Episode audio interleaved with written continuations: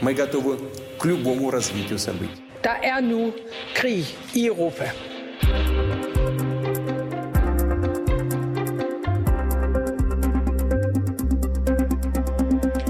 Ved ophøret af den kolde krig valgte millioner af østeuropæere frihed og demokrati, og siden er de fleste heldigvis blevet medlemmer af EU og NATO. Det er jer og hele Europa, der trues af Rusland, hele vores europæiske sikkerhedsstruktur. Sådan sagde den danske statsminister Mette Frederiksen søndag foran den russiske ambassade i København. Og mens kampene fortsætter om især de to største byer i Ukraine, Kiev og Kharkiv, og Vesten sender flere våben til landet, ja, så stiger nervøsiteten i hele Ukraines nærområde. Du lytter til Krig i Europa, hvor vi selvfølgelig skal til Ukraine i dag, men vi skal også til Polen, hvor ukrainske flygtninge strømmer ind over grænsen til Moldova, hvor man frygter, at de russiske tropper vil fortsætte hen, og til Litauen, hvor man har erklæret undtagelsestilstand, blandt andet på grund af frygten for såkaldte hybridangreb. Mit navn det er Cecilie Lange. Jeg hedder Alexander Vils Velkommen indenfor til Krig i Europa.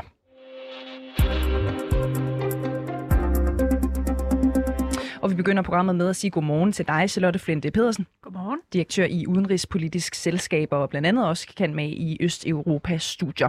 Du er med os heldigvis øh, hele timen her i øh, studiet for at give os de nødvendige perspektiver på de forskellige ting, som vi skal dykke ned i. Om lidt så skal vi tale med ukrainske Daria, som vi følger her i øh, programmet.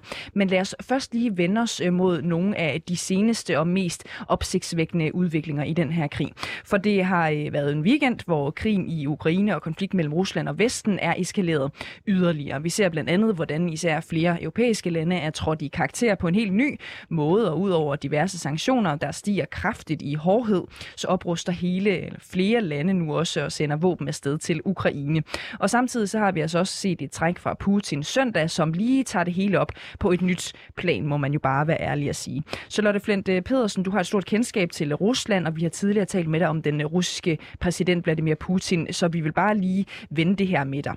Putin har sagt, at han sætter Ruslands såkaldte nukleare øh, afskrækkelse i special alert, altså højt øh, beredskab. Hvad betyder det helt konkret? Det betyder altså, at øh, han ligesom øh, skruer, eskalerer lidt igen. Altså, vi har jo hele tiden set, hvordan han er i stand til at eskalere. Det skal lige siges, at når han, er, øh, når han skruer op på Special Alert, så er det i virkeligheden nummer to trin i eskalationsstigen på, øh, så vi er ikke 100 op på, på, på, på det ind, altså allerøverste okay. alert. Og det er så bare, synes jeg egentlig meget godt at vide, at det ikke er sådan, altså så han eskalerer bare lige øh, øh, en gang til, så han kan komme derop, at der er sted, stadigvæk to trin inden, inden man affyrer. Lad os bare lige sige, hvor mange trin er der på den her skala, og hvor højt er øh, Putin nu? Jamen altså, lige nu øh, er han altså tror han jo direkte med atomvåben, og det, det er jo også måske det, der gør, at Zelensky ligesom har sagt, jamen jeg vil gerne gå ind i nogle øh, forhandlinger nu, fordi altså tanken om en atombombe er selvfølgelig ikke øh, helt, altså det, det er jo frygteligt faktisk, ikke? Mm. Øh, men samtidig så er det så, kan man sige, i og med at det er nummer to trin, andet trin i det her system, så øh, er eskalation, jamen så er der stadigvæk tid og rum til forhandling. Øh, men øh, Novaya Gazeta, som er den her uafhængige avises uh, chefredaktør, han sagde om uh, Putin, at Putin han leger med atomtruslen uh, på samme måde som uh, en, en nøglering, eller sådan en nøglering til en meget dyr bil. For, okay. ja, så, så, så man er, og han siger så samtidig, at uh, at det, altså han, er, han frygter simpelthen, at der ikke er nogen, der kan stoppe ham. Så vi skal forestille os Putin stå og, og, og røre lidt ved den her meget eksklusive øh, nøglering, og vi kan godt se, den helt store Dodge Viper, den står derovre, øh, men, men han kommer ikke i nærheden af den en uge, eller hvad? Altså indtil videre, så bruger han det i hvert fald effektivt som et, et redskab i hele den her, øh, altså skal man sige, øh, i, både i forhold til Zelensky og i forhold til os, vores frygt. Øhm, Hvorfor kommer han med den her udtalelse, øh, eller det her øh, træk, hvis man kigger på det som en form for at spille skak på en eller anden måde? Hvorfor kommer det lige nu? Jamen, det kommer simpelthen, fordi de, de faktisk øh, oplever nederlag på kamp, altså på, i Ukraine. De øh, har, de har ikke indtaget, de har ikke lavet den der hurtige invasion, øh, den her blitzkrig. Øh, så de, de, og de har formentlig store tab. Det er ikke til at sige, hvor mange tab de har, men de har formentlig store tab. Mm. Og samtidig så oplever han også, at øh, moralen hos de russiske soldater er faktisk rigtig lav. Altså der er tale om, at de med vilje tømmer deres tanks sådan så de øh, ikke kan nå frem. Altså, så de løber tør for, for, for benzin, øh, altså, og, og at der er tale om deserteringer. Så altså, han har svært ved at, at vinde krigen, faktisk. Mm, og det er jo noget, som trækker øh, de fleste overskrifter, at øh, Putin øh, i går altså kom med den her øh, udtalelse og ophøjede sit, øh, sit øh, beredskab på det, der hedder øh, nuklear øh, afskrækkelse. Øhm, mange vil måske rigtig gerne have svar på det basale spørgsmål. Skal vi reelt frygte, at Putin han trykker på den knap? Ja, øh, det, altså jeg synes, øh, det er svært at sige sådan øh, for åben, øh, mm. men jeg synes, man skal være bange for det. Og jeg synes også, at vi bør øh, overveje, hvordan vi håndterer det. Altså, hvordan, hvordan får vi, kommer vi, altså, ja, hvordan, hvad, hvad vil vi gøre, hvis Ukraine bliver ramt? Altså, vi har jo hele tiden sagt, at vi vil ikke kæmpe. Øh, at hvis, øh, det er jo ikke et NATO-land, så vi kan ikke, men hvad vil vi rent, rent faktisk gøre, mm. hvis det er han? Så vi skal lave de her scenarier. Vi må ikke være håbefulde i vores tænkning. Det er for sent at være håbefuld i forhold til Putin. Og håbe på, at han ikke vil gøre det, han bare bluffer. Det er for sent. Og, og samtidig ser vi jo, at den ukrainske præsident eh, Volodymyr Zelensky eh, søndag indvilligede i, at den ukrainske og den russiske delegation kunne indgå fredsforhandlinger øh, ved grænsen mellem Belarus og øh, Ukraine. Øh, er det stadigvæk planen? Fordi det var meningen, det skulle ske her til øh, morgen. Vil du ikke lige opdatere os på det? Øh? Jo, altså jeg har ikke, øh, der er stadigvæk ikke nogen forlydende om, øh, om, om, hvad der er sket, men jeg er sikker på, at øh, Zelensky netop svarer på den her eskalation på den her måde. Øh, problemet er, at russerne hele tiden forsøger at komme med ultimative krav mm. og sige, I skal gøre sådan, I skal afnazificeres.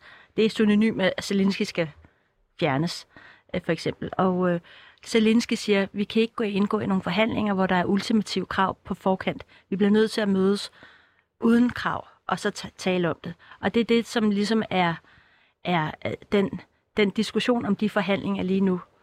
Vi talte med øh, Kasper Junge øh, Vester tidligere øh, på morgen, som er journalist på øh, det medie, der hedder Olfien, ved enormt meget om, øhm, om, om, om forsvaret i det hele taget. Han var en lille smule bekymret for, om den her øh, fredsdialog i virkeligheden kunne være synonym for et attentat. Er det noget, øh, en tanke, som har strejfet dig? Ja, helt sikkert, at der har været, øh, der er åbenbart øh, historiske fortilfælde i øh, netop i altså i Ungarn og Tjekkoslovakiet dengang, at der var en, hvor man faktisk har brugt øh, det som et fortilfælde for at altså ikke et attentat, men men en øh, ja, at man faktisk øh, får fjernet Zelensky på den måde, for eksempel. Hvordan vil man, ja undskyld, men hvordan vil man konkret gøre det?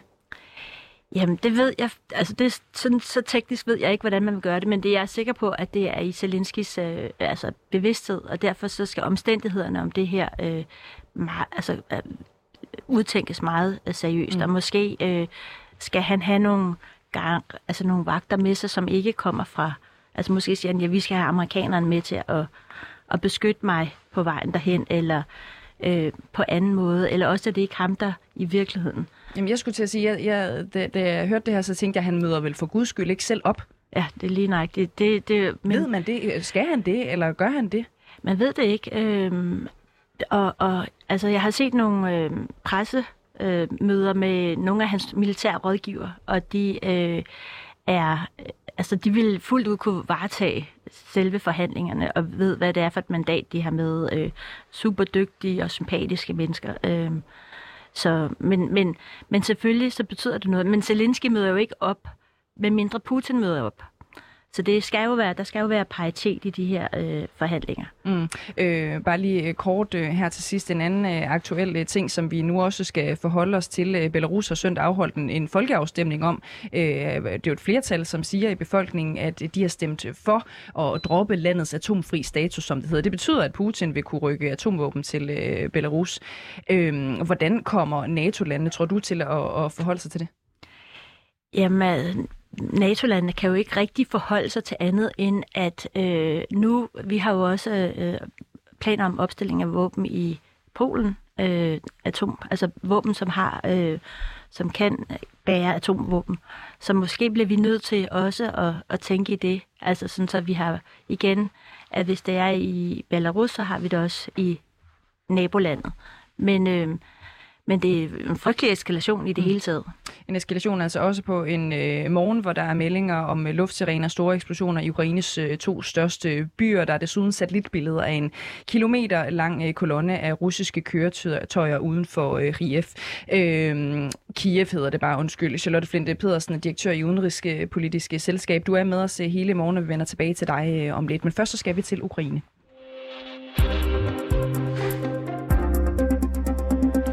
Ja, for 100.000 af ukrainere har forladt landet siden Rusland påbegyndte sin invasion torsdag. Men mange er også fortsat på flugt inde i selve Ukraine. Det gælder blandt andet Daria Anshiborg. Hun er flugt, flygtet vestpå sammen med sin mand fra deres hjem i Kiev til Ternopil. Good morning, Daria Anshiborg. Uh, good morning, but I really have some issues with uh, the connection, so maybe I didn't, I wouldn't really hear all the questions properly. I'm sorry. Okay, we will uh, try to make it as clear as possible, and if there's something you don't understand, you just tell me, and I will try again uh, asking the questions. Okay. Tell me, first of all, how was your night? Um, okay, uh, in Ternopil it was quite stable. Um, it was a bit more complicated yesterday because we've been having the sirens all the time uh, because of the air strikes that are coming from Belarus, and it's official. And uh, some of them are from Russia and from occupied Crimea. And uh, but uh, so in Ternopil it was really we could sleep well. We didn't have to go to the basement. Uh, everything was okay. But in Kiev and uh, where most of my friends are now, uh, it was yeah they were all, all of them were in the shelter. Yeah, and what did your friends in Kiev tell you about the situation? Uh, that some of them said that this is the first time for them that they could uh, uh, get out because you know the curfew has just uh, finished an hour ago. It was the longest curfew in uh, I don't know in our history. I think for Kiev it was more than 36 hours, and so people were staying in the shelters all the time. Or if they couldn't go to the shelter, for some reasons, for example, because of the disabled people who they need to be with, or if the people are with some um, yeah, disabilities. So they were staying in the safe places in the apartments, for example, in the bathrooms or in the halls. And uh, Daya, I will just uh, translate a bit to our Danish uh, listeners, and then I'll get back to you. Uh, det Daya Anschiborg siger, der har været en stille og rolig nat i uh, Ternopil, dog en eftermiddag, hvor luftalarmerne har uh, lyttet, uh, beskrev hun.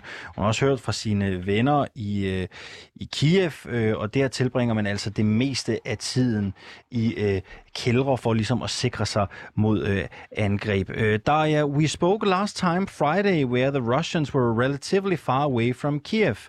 Now the fighting is taking place around your capital city, and you have friends who have stayed in uh, Kiev to use arms and fight in the war. Can you describe to us how are your friends managing the battles in Kiev? Can you repeat the last question, please? Sure. You describe to us that you have friends who have stayed in Kiev to mm -hmm. use arms and fight in the war. How are your friends managing the battles in Kiev? Um, okay, uh, I have a friend who is in an army, and uh, so of course we can't talk right now properly. So I'll just follow him on Facebook or where he keeps posting when he has time. So he he is working very hard right now and doesn't have much time, but we see that uh, they are trying to push the uh, Russian army back, and uh, they they succeed uh, in Hostomel. And uh, uh, another person, I've just asked, uh, the only thing I can do, I keep asking them, "Are you okay? If everything's okay, they they just say yes, and that's that's all that we can do because they are very busy right now. And uh, most friends of mine uh, who are uh, not involved in this army, they would be um, uh, doing making the Molotov cocktails now, or cooking, or you know making like helping with the supplies. I have a friend who is uh, in, who works in a hospital. He's trying to find a way how to help the wounded people. So it, it's more like this. You know, everyone wants to do something, but I can't really read properly the people who are at war because they are doing their job. Det, som Daria Ansiborg siger her, er, at hun jo har venner og bekendte i Kiev, som er med til at forsøge at se, om de kan få russerne på tilbagetog. Det er venner, som deltager i hæren. Der er tale om folk, der arbejder på øh, sygehuse, hjælper med at pleje til skadekommende. Og så er der også endda bekendte og venner, der fremstiller Molotov-cocktails, hører vi også blive beskrevet øh, her. There are, uh, Daria, visible Russian soldiers in large parts of Ukraine, but there are also Russian sabotage groups, sometimes with Ukrainians who take part in the sabotage with the Russians. How do they work? So there are Telegram channels, for example, they uh, where Russians uh, say that they would pay money uh, for painting for marking this, the buildings or the strategic objects, or for example the pipelines and so on. And uh, so our uh, like I mean, people try to help, you know, the uh, forces. And uh, if you see this kind of content, of course, you have a special chat bot where we can uh, uh, write immediately that we found it, and they try to block it as fast as possible. But it's true that this, these sabotage groups are quite a problem right now in every city. So even in Ternopil, which is uh, quite a safe place, we've had three, I think, or four being caught already. And these are mostly the teenagers who are like 15, 16, 17 years old. And uh, they they can be locals actually from you know these local villages, but they just want to earn money, and this is incredible to us. Uh, and for this reason, also, uh, I think two days ago, uh, the government uh, mm, signed the law that they would be punished, I think, for 15 years in prison for coll- uh, collaboration. Daja Antiborg siger her, at der er grupper, som markerer forskellige mål rundt omkring. De markerer forskellige områder, som russerne angriber, og disse sabotører og kollaboratører, de går tit ud og mærker områder af, når der er udgangsforbud. Så når den ukrainske her ser borgere på gaden, når der er udgangsforbud, så kræver de, at borgerne viser dokumenter om, at de er i hæren. Har de ikke papirerne, så er de måske russiske sabotører, hører vi her. Øh, in the end, uh, Daya Anshibor, Friday you told us that you had left Kiev, but that you didn't want to leave Ukraine. Are you considering leaving Ukraine now? No, no, I want to live here. and also, I wanted to tell you about the sabotage groups that, of course, they are mostly right. Like, I mean, they try to use Ukrainians as well, but I mean, not to be, you know, misunderstood that it's only Ukrainians who do it. Of course not. So they are Russians, and uh, they try to find the collaborators here. And yes, I I'm willing to stay here as long as possible, and uh, I don't want to move. I like I I really want to see how it ends, and we will win, and definitely we will win. Daria Antiborg, thank you for your time and stay safe. Thank you very much. Daria Ansøborg her, som altså sammen med sin mand er flygtet fra hus og hjem i Kiev til Ternopil, der ligger vestpå i Ukraine, og hun siger, at hun skal ingen steder. Hun bliver i Ukraine, fordi det er, hun ønsker at leve og bo.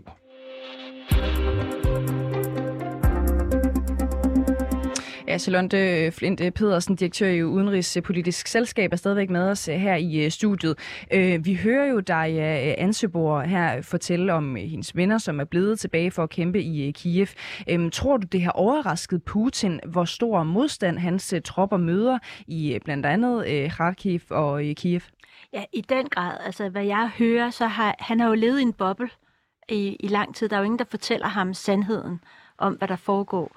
Og øh, han tror, at, øh, at, øh, altså, at på mange måder, at øh, Ukraine er ligesom Rusland, at man har kontrol, at man, øh, og også at de har forventet simpelthen, at de vil blive modtaget med stor, altså sådan med blomster og alt muligt, fordi de kommer som de her, øh, dem der, der befrier øh, Ukraine for den her forfærdelige person. Ikke? Så, så det jeg tror jeg virkelig har overrasket ham, og det, det, det siges, at de simpelthen ikke har sat sig nok ind i kulturen Altså det, at de har ikke forstået, at der rent faktisk er dukket en, en ukrainsk øh, nation op her. Mm. Øh, altså den har været der hele tiden, men især de sidste otte år, på grund af det, man gør i Krim, eller mm. annektering af Krim, mm. og på grund af, af, af annekteringen eller invasionen i, i Lugansk og Donetsk. Øhm, ja, du siger, at han har levet i en øh, boble, og det er som om folk har simpelthen ikke fortalt ham sandheden om, hvad virkeligheden øh, er. Hvem er det, der har fejlet? Er det Putin selv, der bare ikke har givet at sætte sig ind i, øh, øh, hvordan det egentlig har været op og ned, eller er der nogen, der simpelthen har afskåret ham fra virkeligheden? Jamen, jeg tror, han, han, har jo, han har jo boet siden øh, covid-19, har han boet nærmest øh, helt isoleret. Hvis man øh, skulle mødes med ham i person, så skulle man have øh, 14 dages karantæne, inden man kunne mødes med ham. Man skulle oversprøjtes med et eller andet steriliserende øh, og netop holde afstand. Så han har været panisk angst for covid. Så den her mand har nærmest været isoleret i to år. Han mødtes med Biden i Genève, det er ligesom den, det eneste fysiske møde, han har haft med en international statsoverhoved. Og øh, så, så jeg tror, det har været svært at, i virkeligheden at kommunikere med ham også. Så han har kommunikeret via være ind, altså ved Zoom, eller jeg ved ikke, mm. hvilket, hvilket apparat, Teams. Eller, de har nok deres eget de har nok deres, er, ikke? Men online, ikke? Og, og, og været meget isoleret. Så, og så samtidig så kører han jo sin, det så vi jo på det, han kører jo sin, sine medarbejdere, og også sine tætte medarbejdere, som sådan et, øh, altså på sådan lidt saristisk måde. Jeg tror ikke, man kan sige ham imod og informere ham. Mens øh, kampene de fortsætter i Ukraine, hvor både militærfolk og civile gør stor modstand mod russerne, så er mere end 368.000 øh, øh, ukrainere ifølge FN altså indtil videre flygtet ud af landet. Det er forventningen fra FN, at op mod 3 millioner ukrainere vil søge tilflugt i nabolandet Polen, som vi vender blikket mod nu. Det gør vi sammen med dig, Emil Rotbøl. Godmorgen. Godmorgen. Du er korrespondent for Berlingske, og du befinder dig i den polske grænseby Medyka, hvor du holder særligt øje med håndteringen af de ukrainske flygtninge. Prøv at beskrive, hvordan situationen er der, hvor du er lige nu. Der er øh, utrolig meget øh, velvillighed, vil jeg sige. Øh, altså, der kommer mange ukrainske flygtninge over med deres øh, rullekufferter. Det er jo øh, næsten kun øh, kvinder og, og børn, vi ser, og øh, der, der kommer gående her. De har, og de har været under, længe undervejs. De har været flere døgn undervejs, dem vi, vi, vi møder nu. Øh, mange af dem har brugt mere end et døgn på bare at passere selve grænseposten.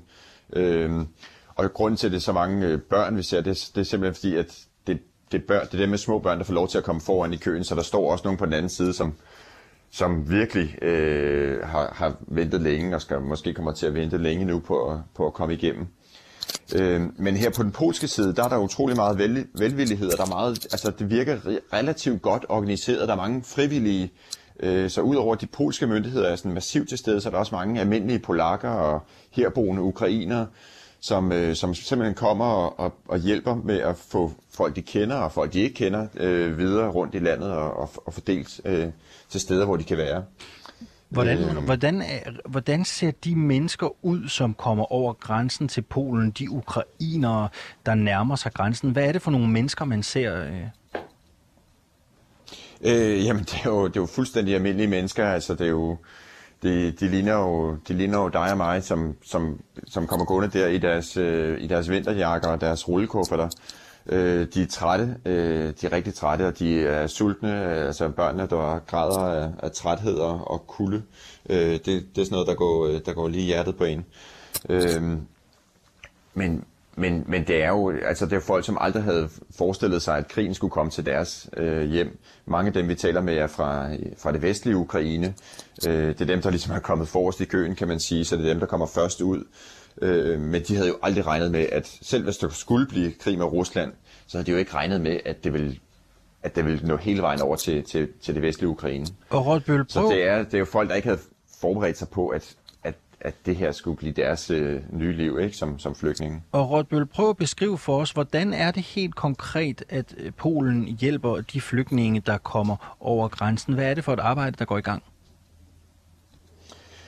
Øh, der er, øh, dels er der oprettet øh, øh 8-9 modtagscentre her i grænseområdet, hvor de har opstillet øh, øh, drømmesenge og, og, og, hvad skal man sige, øh, samler, samler tøj og mad og vand øh, og organiserer det her arbejde, øh, hvor der også er utrolig mange frivillige, der, der deltager i. Sådan så flygtningene lige kan lande, inden de øh, kan komme videre ud i landet. Øh, der, langt de fleste indtil nu øh, bliver samlet op af, af, af venner og bekendte øh, øh, som, som de allerede har en aftale med. Men de polske myndigheder, altså der er brandvæsen, der er politi, der er øh, sanit, øh, hvad hedder det, samaritfolk, som, som er her og, og hjælper med ligesom at få det her til at glide, og, og så det ikke ender i total trafikkaos. Vi kan allerede se nu, vi har været her siden øh, fredag, og vi kan allerede se nu, at hvordan der kommer mere og mere styr på det for hver dag, altså hvordan det bliver mere og mere organiseret, hvor det øh, på første dag var et stort mylder af mennesker, der, der væltede rundt i hinanden øh, i fredags, så, så er det nu meget mere organiseret, øh, sådan så, ja, så man ikke står og, og står i vejen for hinanden i virkeligheden. Polen de forventer jo at modtage op mod 1 million flygtninge fra Ukraine. Er landet overhovedet rustet til det? Ja, det, det er et godt spørgsmål. Øh, jeg hører fra, øh, fra forskellige organisationer, at øh, de har svært ved at forestille sig, at Polen er godt nok rustet til det. Men altså, ind, indtil videre, så har jeg ikke set noget, som, øh, som, som beviser det modsatte. Altså, de, øh, de, der er i hvert fald en, en utrolig stor velvillighed. Også det her med, at når der er så mange ukrainer, der bliver huset øh, hjemme hos almindelige mennesker, eller der er mange, der også bliver kørt ud af landet. Jeg har også mødt danske ukrainere, som er, har organiseret øh, at tage herned og, og hente øh, familier og, og, og bekendte øh, til Danmark, hvor de så har tænkt sig at huse dem i op til, op til tre måneder. Øh, så, så når, når, hvad skal man sige, når der er så mange mennesker, der bliver ligesom kanaliseret ud i de almindelige hjem, så er det, så er det måske en, en byrde, der, øh, der kan håndteres i fællesskab. Det er i hvert fald stemningen her. Emil Rotbøl, øh, vi har jo øh, også øh, vi har også en gæst i studiet. Vi har Charlotte Flint Pedersen, som er direktør i Udenrigspolitisk Selskab med her øh, til morgen også. Bliv lige hængende øh, i, i røret, Rotbøl. Øh, du markerer, øh, Charlotte Flint Pedersen. Ja, fordi jeg har talt med den polske ambassade i Danmark, og øh, de fortalte, at de simpelthen har haft en historisk enighed på tværs af det her meget polariserede politiske landskab i Polen, om at det her skulle de klare. Øh, og der, derfor har man simpelthen øh, givet opgaver til alle de forskellige øh, kommuner eller øh, organisatoriske enheder om at være parat til at modtage ja. flygtninge ud over hele Polen. Så det er sådan også lidt måske en del af historien, at det har faktisk bragt øh, Polen sammen på tværs af det politiske. Mm-hmm. Øh, Emil Rotbøl, du nævnte jo også i begyndelsen af det her øh, interview, at øh, enormt mange polakker hjælper til ved grænsen for at tage imod flygtende ukrainere. Øh, spørgsmålet er jo så, hvad polakkerne egentlig selv tænker. Er de bange for krigen? Ja, der er nogen, der er bange. Altså, de, øh, de siger det, jeg har hørt flere sige det sådan på, på eget initiativ, at øh, vi, kan, vi kan jo blive de næste. Så der er helt klart, altså der er også den identifikation i det for dem, at de ligesom ser det her som, som deres naboer, som, øh, som bare er de første. Ikke? Så, så, og hvis de ikke hjælper ukrainerne nu, så, så kan de nemt øh, blive, blive de næste. Øh, og de er jo bange for også om, konkret, om de skal blive øh, nabo til, til Rusland her øh, øh, ved den her del af den polske grænse. Øh, det, det er bestemt ikke noget, de ønsker sig. Emil Rotbøl, Berlingskes korrespondent, som var med for Polen. Tak fordi du var med her til morgen. Jeg får jo helt lyst til at sparke bolden tilbage til dig, øh, Charlotte øh, Flint Pedersen. Har man i Polen, vi hører Rotbøl sige det her, man er bange for at blive naboer til Rusland med god grund. Har de øh, god grund til at være bange? Ja, altså fordi nu taler vi lige om øh, Belarus, som, øh, som nu får mulighed for at opsætte atom, atomare våben. Mm. Og Belarus er jo bare en forlænget arm lige i dag af, af Rusland. Mm. Så der, der er næsten ikke nogen, de har en unionsaftale, der er næsten ikke noget Altså lige nu er der nærmest ikke noget, der hindrer dem. Det er en, det er, så det er i hvert fald helt klart noget, man skal være bange ja, for. og nu skærer vi kagen lidt, lidt skarpt. Ikke? Altså hvad er det konkret, man skal være bange for i Polen? Hvad er det, man kan gå og være bange for? Ja, altså jeg tror, man er bange for, at øh, der er ikke nogen, øh, skal man sige, øh, øh, altså man, kan, man er selvfølgelig bange for hybride angreb, alle mulige former for, for hybridangreb, cyberattacks. Øh, øh, man er også bange for, fordi det, som i virkeligheden har kørt, det er, at der har været, altså Rusland har været i krig med os i meget længere tid end vi egentlig har været i krig med Rusland, kan man sige. Mm. Fordi der har kørt den her misinformation, desinformation, fake, cyberattacks.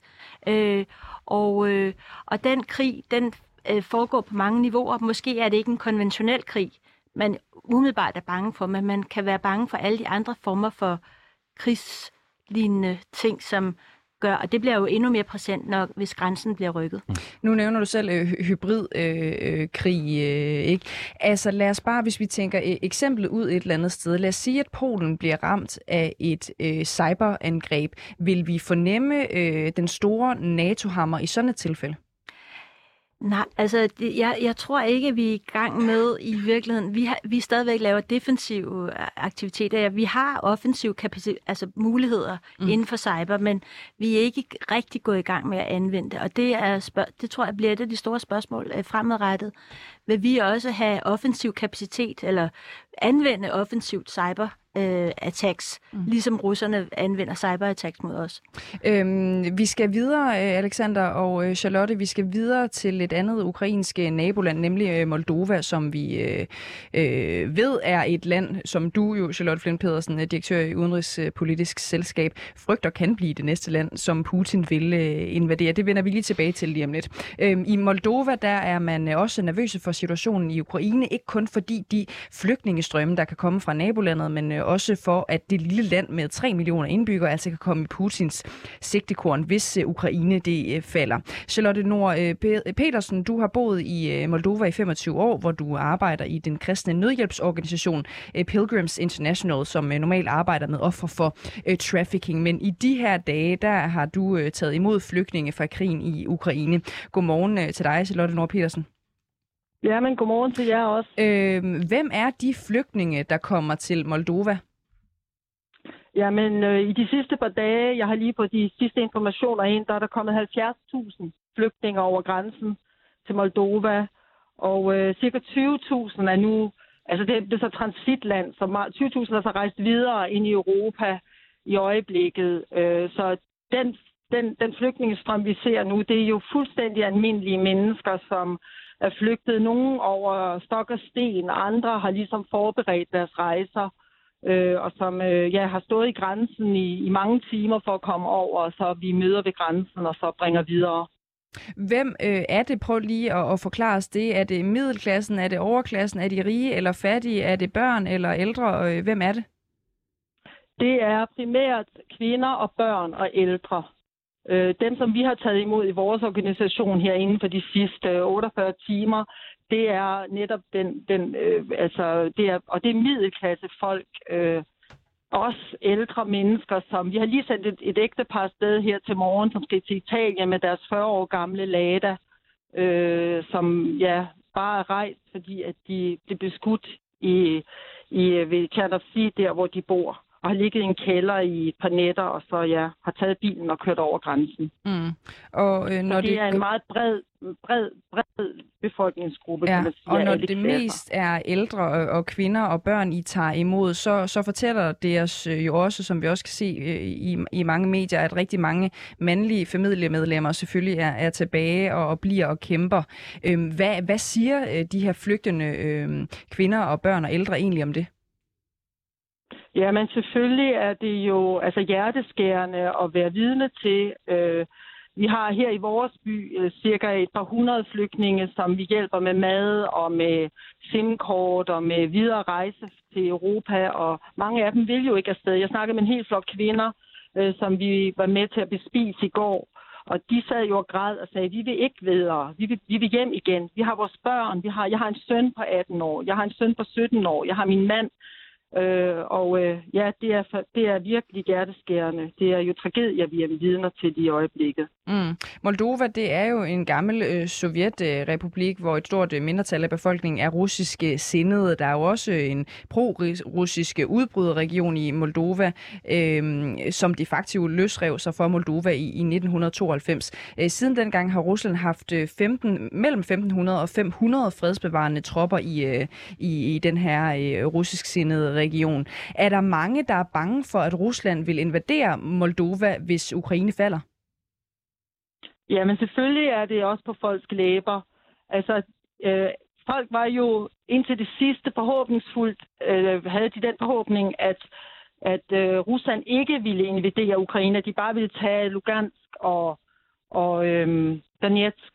Men da de så lige pludselig så en full invasion og øh, til Kiev, ja, så begynder folk jo at tænke, at de kan jo bare tage Moldova med et snuptag. Hvis Kiev og Kharkov falder, øh, så vil det jo måske vi være de næste, der står i skudslinjer, fordi at jeg tror ikke engang, de har brug for deres tanks og deres store militærapparat for at indtage Moldova. Mm. Shalom, øh, og de har jo deres... Ja. Ja, du, du bliver lige øh, hængende, så øh, sparker jeg lige øh, bolden videre til Charlotte Flint øh, Petersen, som står her med os i, i studiet, for jeg ved, at du frygter jo også, at Moldova er næste land på øh, Putins øh, liste. Prøv lige at sætte nogle flere øh, ord på, hvorfor. Men jeg frygter det, fordi at det ligesom er en del af hele det her geopolitiske projekt, han har. Altså det her med at få, øh, få de gamle sovjetstater ind under folden og have kontrol med dem. Måske ikke nødvendigvis annek- altså annektere dem, men sørge for, at han har kontrol med dem, og han har sine folk øh, i toppen. Og lige nu har man en, en præsident i, øh, eller i, øh, i Moldova, ja, Maja Standov, som er pro-vestlig, meget demokratisk og arbejder på at integrere øh, Moldova ind i EU så meget som overhovedet muligt. Man har også samarbejdsaftale med NATO blandt andet. Så der er øh, på samme måde som Ukraine, det er bare et meget mindre land, øh, men der er plus at øh, ja, det ligger strategisk vigtigt i forhold til til Rumænien og andre, ja, mm. til EU. Øh, Charlotte Nord øh, Petersen, du er stadigvæk med os på en øh, linje. Jeg ja. ved, du bor selv i en landsby, som er orienteret mod Rusland. Hvordan har dine naboer reageret på, at Rusland har invaderet Ukraine nu? Jamen, man skal jo forstå, at der har været stor propaganda fra russisk side, og fordi det er en russisktalende landsby, så er folk de er jo blevet informeret gennem statsejet medier fra Rusland. Men jeg kan se, at i øjeblikket så vender det meget. Altså man kan sige, at Putin han har skudt sig selv i foden, desværre kun i foden. Men altså, øh, folk er jo øh, begyndt at se øh, den øh, resistens, der sker i Ukraine, fordi at fortællingen og narrativet har jo indtil videre været, at russiske styrker, de er jo inde og kæmpe i Ukraine for at forsvare ukrainerne mod det, som man kalder bandera, og øh, altså de nationalistiske kræfter og nazistiske kræfter, som man kalder dem derinde. Og øh, det de ser så nu her på nyhederne, fordi at medierne og især altså alle folk, de har jo de får jo newsfeeds på deres Facebook, det er jo, at der er en, en utrolig opstand i Ukraine og en heldemodig altså, ja, modstand mod de russiske styrker. Og man ser folk, der står og holder på tanksene, og man, mær- man hører, hvordan folk de siger, tag hjem mm. igen, drenge, hvad er I kommet her for? Og man kan mærke, at stemningen er vendt meget her i Moldova. Og folk er begyndt at indse, at altså, det her det er ikke, det er ikke et, et, et, et, et, øh, en freds hvad hedder det, bevarende styrke, der er inden for at hjælpe ukrainerne og forsvare dem mod en eller anden nazistisk overmagt men det er virkelig et, øh, en invasion af et, af et frit land. Mm. Øh, Moldova er jo ikke medlem af NATO, men er medlem af NATO's Partnership for Peace øh, Program, som handler om at skabe tillid mellem en række lande, der ikke er medlem af NATO. Et program, som Rusland ja, paradoxalt nok faktisk også er medlem af. Øhm, taler man i Moldova om på en eller anden måde at komme nærmere NATO eller EU? Jeg tror ikke, at øh, moldaverne bekymrer sig så meget om storpolitik lige i øjeblikket. Øh, jeg tror faktisk, de er bare mere bekymrede for, øh, om den her krig den eskalerer. Om invasionen også rammer dem. Mm. Om de, jeg tror, der er meget forskellige meninger om hele NATO's spil, også før øh, angrebet på Ukraine, fordi at, jamen, der er jo forskellige forståelser for, også hvordan de vestlige ledere har reageret over for hele den her krise, hvor man nok føler, tror jeg, her i landet, at det har været meget øh, defensivt, altså i stedet for at være mere offensiv over for alle Putins ultimatumer. Godt. Øh, Charlotte Nord øh, Petersen, øh, tak fordi du var med her til morgen. Ja, men I er så velkommen. Altså fra den kristne nødhjælpsorganisation øh, Pilgrims International i øh, Moldova. Charlotte Flint øh, øh, Pedersen, direktør i Udenrigspolitiske Selskab. Jeg kunne passe til spørgsmålet videre til dig. Altså, tror du, at NATO kommer til at udvide alliancen midt i den her krig i, i Ukraine? Ja, hvis det er, så er det, så er det Sverige og Finland, som, som får for, første, ja, første, okay. ja. Men jeg tror ikke, man går ind og gør det, fordi for eksempel Moldova har jo problemet med Transnistria, Øh, og, og man kan jo ikke udvide NATO i forhold til lande, som har en eksisterende konflikt. Hvorfor egentlig ikke? Jamen det er en del af, det er jo fordi, så udsætter man, fordi man har den der forsvarspagt, den paragraf 5, ikke? eller artikel 5, mm.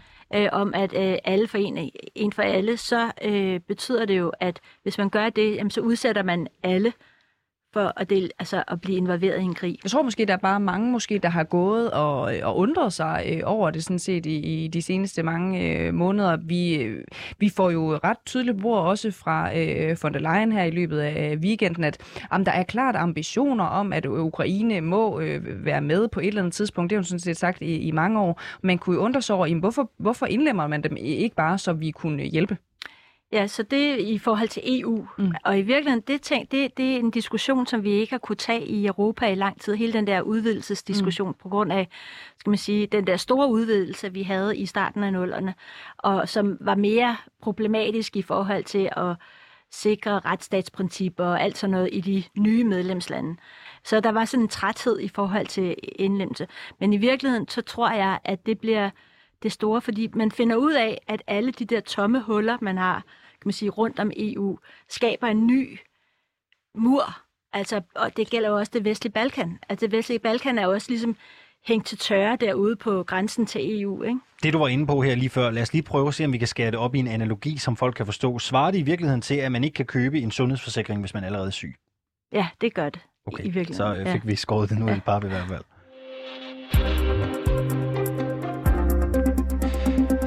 Vi skal lidt mere mod nord til det baltiske land Litauen, hvor den russiske invasion af Ukraine har fået landets parlament til at indføre undtagelsestilstand. Forklaringen er, at man frygter provokationer og hybridangreb mod Litauen fra enten Belarus eller den russiske eksklave Kaliningrad, som begge grænser op til Litauen. Og den tætte afstand øh, sætter også tankerne i gang hos borgere i hovedstaden Vilnius, hvor journalist Maria Øjen har været til demonstration for fred i Ukraine.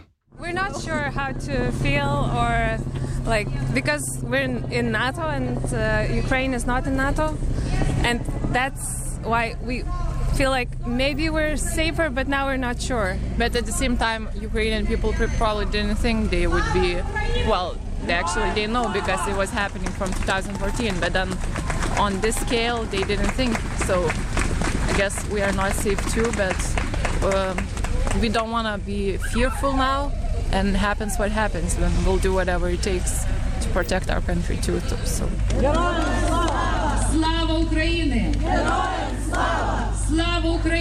How do you feel yourself here in Lithuania? Do you feel safe? Uh, mixed, mixed feelings actually. Um, I think I'm feeling a bit safer maybe today. Uh, just reading news how Westerns started to react. A few days ago, I really felt like, what shall I do? Um, what could be the plan and how even to prepare for that. So I just even cannot imagine what my Korean parents are feeling today. Um, yeah, I was texting some of my friends and like saying that in case you will come to Lithuania, you know where to stay. Um, but yeah, we even cannot come because we stuck in bunkers. Слава Україні! Героям слава! Слава Україні! Героям слава! We say in our family that you you prepare for the worst and yeah. expect the best. So uh, that's what we are doing. Are you preparing in any way? Uh, yeah, a bit. Yeah. yeah, we're talking with our families uh, where we will gather if something would happen. Maria Øjen, du er med fra Vilnius. Godmorgen. Godmorgen. Og du øh, er også øh, korrespondent udstationeret der. Vi hører, at folk her i Vilnius har det sådan lidt blandet i forhold til deres egen sikkerhed lige nu. Nogle er bange, men som der også bliver nævnt, så er de trods alt med i NATO. Er det her en opfattelse, som går igen blandt de folk, du taler med? Ja, rigtig meget. Altså, det, er, det er det her, der, der splitter øh, folk øh, helt ned til den enkelte person. At man på den ene side har en hel masse mennesker, der øh, hæver kontanter i, i spandevis for at være sikker på at have penge, og de tester deres nødgenerator og køber dunke til benzin. Altså, og, og det kan man jo godt forstå netop, når man ser, hvad der er sket øh, i Ukraine, at, at det er det, der har været et stort problem, også der i hvert fald i, i de første dage. Øh, Øhm, så, så det er det, man, man er bange for. Det, det, det er sådan, man ligesom forbereder sig. Og på den anden side, så er der de her mennesker, der siger, jamen øh, vi er med i NATO, øh, så vi kan jo bare leve vores liv, som vi plejer, og så, så skal NATO nok hjælpe os, når det er. Øh, men som jeg også har talt om flere gange her i løbet af morgenen, så er der den her generelle usikkerhed, efter at øh, Putin er gået ind i, øh, i Kiev og helt ind i, i hele Ukraine, at hvad, hvad kan han så finde på? Altså hvis han kan finde på at gå ind i Ukraine på den her måde, kunne han så også finde på at gå ind i et NATO-land som Litauen? Litauen har jo været i undtagelsestilstand siden torsdag. Hvad dækker det mere præcist over? Jamen, det, altså, det lyder jo lidt voldsomt også, når du kalder det undtagelsestilstand, men det betyder faktisk bare, at regeringen har mulighed for at gøre nogle ting, som de ellers ikke ville kunne, uden at de skulle igennem parlamentet. Så det giver jo regeringen sådan lidt mere spillerum i forhold til, at der er en krise og, og krig. Øh, og det handler blandt andet om de flygtninge, som man forventer, der kommer. Man har ikke jeg har ikke fået nogen tal endnu, men, men må ikke der kommer nogen. Øh, og så handler det om, at man kan reagere, hvis der kommer de her hybridangreb fra Rusland og, og, og Belarus måske. Ja, øhm, og hvad er det konkret, ja. som litauerne frygter ved eksempelvis et cyberangreb? Jamen, det det her med, at, at det kan jo lukke hele, hele samfundet, altså, og det er jo også noget derfor, at, at folk går ud og hæver kontanter. Øh, Øh, det kan jo øh, lukke for øh, elnettet. Det er jo nok det, man er mest bekymret for, fordi store dele af strømmen øh, i Litauen kommer fra russisk gas, for eksempel. Øh, altså, så, så, så det handler om, at hvis strømmen går, og hvis øh, der bliver lukket for internettet også øh, på en eller anden måde, så kan man jo ikke leve det liv, man plejer, og det, og det er ligesom det, man er, man er bange for i forhold til det. Hvad gør myndighederne helt konkret for at forhindre øh, et cyberangreb? Hvis vi skal løfte det lidt i forhold til, så snakker om hybrid, hybridangreb i det hele taget, fordi det er jo også ligesom det, man, øh, øh, man, man kigger på, så er det, at man forsikrer befolkningen om, at, øh, at der skal nok være varme øh, til den tid, hvis der bliver lukket for gassen, øh, og man ligesom tester og afprøver forskellige ting i forhold til, at man kan få strøm fra Polen, hvis det sker det. Øh, og så er der skruet op for sikkerheden øh, i forhold til cyberangreb. Men man har advaret bankerne for eksempel om, at de skal være ekstra meget klar og holde øje med, med eventuelle cyberangreb. Øh, og så er man bare virkelig bedre nu til at give information til befolkningen, også omkring misinformation, som jo der jo hele tiden har været en hel del af, men som der er blevet mere endnu og mere specifikt på Ukraine. Øhm, så det har de skruet op for i, i høj grad. Der er blevet taget flere beslutninger de seneste dage, som involverer en øget militær tilstedeværelse i Litauen. Holland, Norge og Tyskland de sender flere tropper til Litauen, og amerikanerne rykker også ind i Baltikum med flere tropper og militært udstyr. Er det noget, der gør folk tryggere? Det er lidt, det er lidt sjovt at, at, at, at, at, at sige det på den måde, men det har jeg lidt indtrykket af på en eller anden måde, fordi at, at noget af det, man også har været bekymret for, er, at NATO på en eller anden måde skulle have glemt Baltikum. Altså selvom de er medlem af, af NATO, vil de så faktisk komme, når det, når det brændte på, så at sige, og, øh, og, og Litauen og Baltikum er jo ligesom NATO's weak spot lige nu, fordi det ligger for sig selv øh, på den anden side af Sverige og Finland.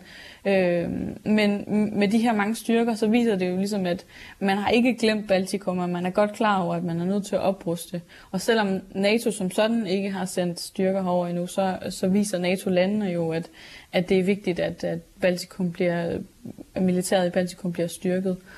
Øh, det sagde øh, Maria Øjen, som er dansk journalist bosat i Vilnius i Litauen. Tak fordi du var med her øh, til morgen. Charlotte Flint Pedersen, direktør i Udenrigspolitisk Selskab, du er stadigvæk med os. Russerne de er blandt andet gået ind i Ukraine gennem Belarus. Har Litauen grund til at frygte, at Rusland kunne finde på at gøre det samme ved dem, altså lave en militær øh, invasion via Belarus? Øh, jeg tror, med, med den, sådan, skal man sige, den, det sammenhold, vi har set de, den sidste uge, også i NATO-regi, der tror jeg ikke længere, altså, der vil der være øh, den beskyttelse. Altså, så vil NATO reagere. Øh, og det er også det, som de her soldater signalerer. Men har Putin en interesse i det? Altså, han har en interesse, altså hvis man skal sige, i forlængelse af hele den her samling af, af, af det gamle Sovjetimperie, jamen så har han selvfølgelig en interesse. Men der kan man sige, jeg tror, man har accepteret, at de baltiske lande er tabt for det. Øh, altså det, det, det var en... Men, men altså selvfølgelig har han en interesse. Og jeg ved, at Litauen har været meget bange for, for Belarus i virkeligheden, fordi at Belarus har jo hele tiden haft den her altså skøre diktator Lukashenko, som opfører atomkraftværker lige op ad deres hovedstad. Øh, på, altså på den måde er det også meget sådan, virker det meget truende i virkeligheden, når man faktisk fra hovedstaden kan se det her atomkraftværk, som som, som, er, som bliver bygget af russerne. Så det har man også set som en form for sådan en, en, en, en trusselsting. Vi hører jo Maria Øjen øh, fortælle, at Litauen ikke bare forholder sig til risikoen for en militær invasion, men også et, øh, et øh, cyberangreb, hybridangreb. Hvad kan egentlig gøre mest skade på Litauen?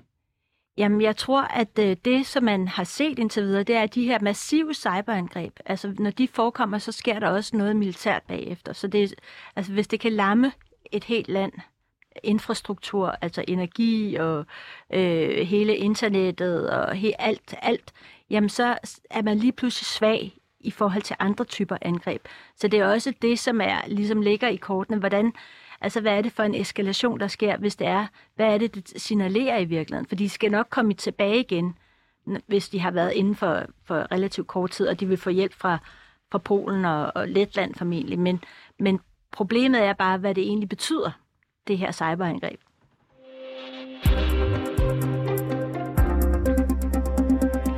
Charlotte Flint øh, Pedersen, direktør i Udenrigspolitisk øh, Selskab, og blandt andet også kendt med i Østeuropas studier. Du har været med os hele timen, og nu er det sådan blevet tid til at se en lille smule frem her i løbet af de sidste øh, fem minutter, vi har tilbage af dagens program og podcast. Øhm, den ukrainske præsident Zelensky siger, at de kommende 24 timer bliver afgørende for Ukraine. Jeg har lige fået en push-meddelelse ind om, at de her forhandlinger mellem Ukraine og Rusland begynder her til formiddag. De skulle meget gerne være i gang inden for en time og et kvarter øh, cirka. Det er nu bekræftet øh, fra det russiske nyhedsbrug øh, øh TASS. Øhm, lad os lige prøve at tage det en ting ad gangen. Øh, Zelensky siger, at de kommende 24 timer bliver afgørende for Ukraine. Oplever du det på samme måde? Altså, at de her 24 timer bliver øh, essentielle?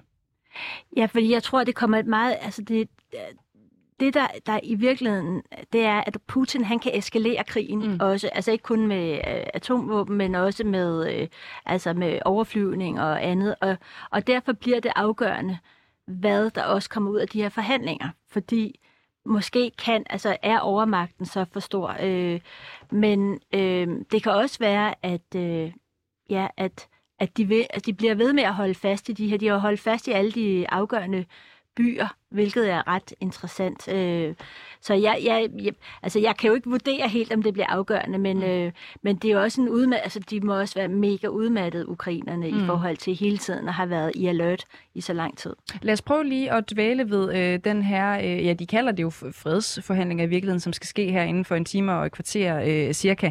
Hvad skal vi holde øje med, øh, hvad der kommer ud af det møde, hvis det overhovedet er det, det er? Jamen, vi skal holde øje med, om øh, det er hele Ukraine, det, altså, eller om, om man bliver nødt til at afgive noget af Ukraine for at beholde skal man sige, suveræniteten. Om øh, de her republikker i virkeligheden er, er noget, man har. Om Krim er et af, af de ting, som man tager med ind i forhandlingerne om neutraliteten, og hvad betyder det i det hele taget i den her sammenhæng. Øh, om øh, Zelensky som præsident, er han, er han en del af forhandlingerne mm. også? Så det er alle de her ting. Altså, det er jo noget af det, som russerne ligesom har haft oppe, det er Zelensky som præsident, neutralitet øh, eller alliancefri, øh, og så Krim og øh, de her udbryderrepublikker. Vi ved allerede en del om det, hvad russerne vil stille som ultimative krav, men kan du lige prøve at tage os med igennem, hvad kommer russerne til at stå øh, fuldstændig hårdt på til de her øh, forhandlingerne, og, og ukrainerne måske også? Jamen, jeg tror, at det, de kommer til at stå fuldstændig hårdt på, det er, øh, altså jeg tror, at det der afnazificering, det handler om Zelensky. Altså det, og det lyder... Det handler simpelthen om, at han skal afsættes. Ja, og det er noget af det, de vil stå hårdt på, fordi det er det, de ligesom har solgt hele fortællingen til også den russiske befolkning, at de afnazificerer. Så det er noget af det, de vil stå hårdt på. Så tror jeg, altså selvfølgelig neutraliteten er også det, altså, hvilket er lidt absurd, når man tænker på, at øh, hvordan kan man være neutral, når man har været under øh, invasion i, i en uge. Men altså, det, det vil også være noget af det, de står på. Og, øh, og måske vil de... Øh, altså også øh, ligesom sige, tage, tage Krim med i forhandlingerne, fordi det er der Sortehavsflåden er. Godt. Charlotte Flint øh, Pedersen, direktør i Udenrigspolitisk øh, Selskab. Tusind tak, fordi du var med til at give os perspektiverne med her til morgen. Selv tak. Du har lyttet til øh, krig i øh, Europa. Vi er tilbage igen øh, i morgen. Øh, vi ved jo ikke helt, hvad det skal handle om. Udviklingen, den øh, løber jo hele tiden. Vi skal jo helt sikkert tale om de øh, fredsforhandlinger, eller hvad vi nu skal kalde dem, Ja, for det som er jo øh, kommer i dag. faktisk meget øh, spektakulært, at vi har haft flere øh, meget vidende kilder på i løbet af morgen, som siger, at de øh, kan ikke afvise, at det her i virkeligheden kan være noget, der minder om et øh, attentat eller et bagholdsangreb. Redaktionen bag programmet var i dag Oliver Bernsen, producer og tilrettelægger, Kevin Shakir, Sofie Ørs og Christine Randa, hun er redaktør. Cecilie Lange står ved siden af mig, og jeg hedder Alexander Vils Lorentzen.